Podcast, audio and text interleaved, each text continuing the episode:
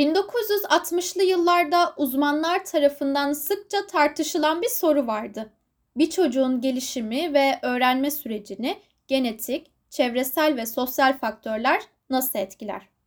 O zamanlarda Stanford Üniversitesi'nde öğretmenlik yapan Albert Bandura, çocukların davranışlarının genetik faktörlerden ziyade sosyal taklitçiliğe dayandığını düşünüyordu.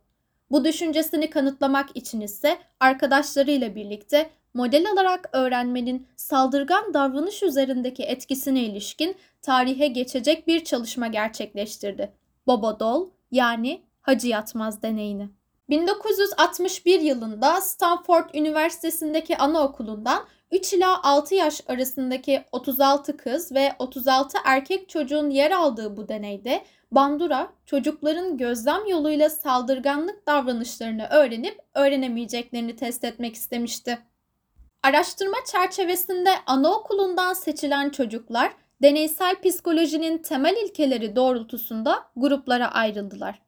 Önce çocukların agresif davranış gösterme dereceleri gözlem yoluyla test edilmiş, daha sonrasında 3 gruba ayrılan bu çocuklar günlük davranışlarında benzer saldırganlık seviyelerine sahip olacak şekilde eşleştirilmişti. Çocuklarla birlikte gerçekleştirilecek bu deneyi diğerlerinden farklı kılan bir yönü ise Hacı Yatmaz oyuncağından yararlanılacak olmasıydı. Deneyde gerçekleştirilmesi planlanan süreç bakıldığında karmaşık değil oldukça açıktı.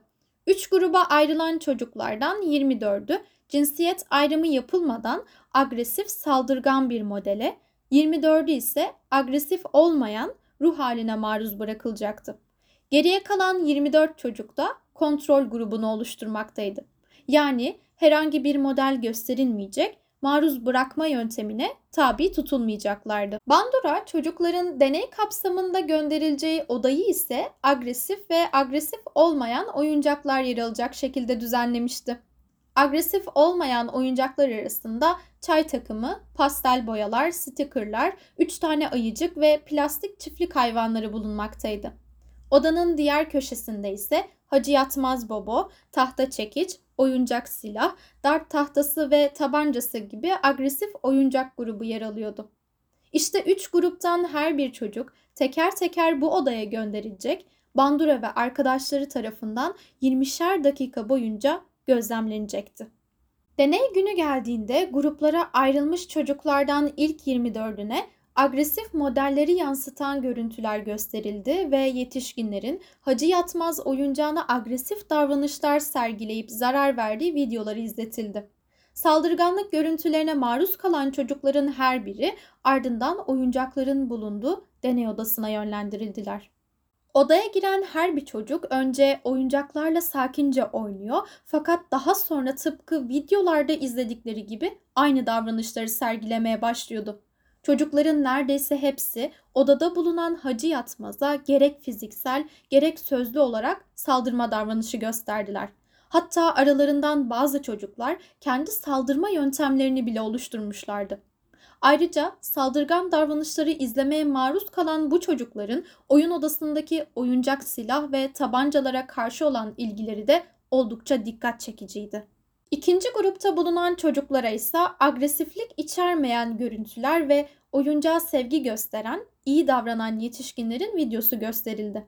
Bu gruptaki çocuklar teker teker oyun odasına alındıklarında gayet sakin ve sessiz bir şekilde oda içerisinde oynuyor. Silah, hacı yatmaz ya da tahta çekiç gibi agresiflik uyandıracak oyuncakları görmezden geliyorlardı. Son gruptaki 24 çocuğa herhangi bir görüntü ya da video gösterilmemiş, çocuklar direkt olarak odaya alınmışlardı. Tıpkı ikinci gruptaki gibi bu grupta yer alan çocuklarda saldırganlığı yansıtan unsurlara yönelmemiş, Hacı Yatmaz'a herhangi bir agresif tutumda bulunmamışlardı. Toplamda 72 tane anaokulu öğrencisiyle gerçekleştirdiği deneyi sonlandırdığında Bandura, çocukların şiddet davranışını daha çok gözlemleyerek edindikleri sonucuna ulaşmıştı. Ayrıca Hacı Yatmaz'a saldırgan davranışlarda bulunan yetişkinleri izlediklerinde erkek çocukların videolardaki erkek yetişkinleri daha fazla rol model olarak aldığı gözlemlendi. Kızlar için de yine aynı sonuç ortaya çıkmıştı. Bu da çocukların kendi cinsiyetinden olan yetişkinleri daha fazla örnek aldığını ortaya koyan çarpıcı bir sonuçtu.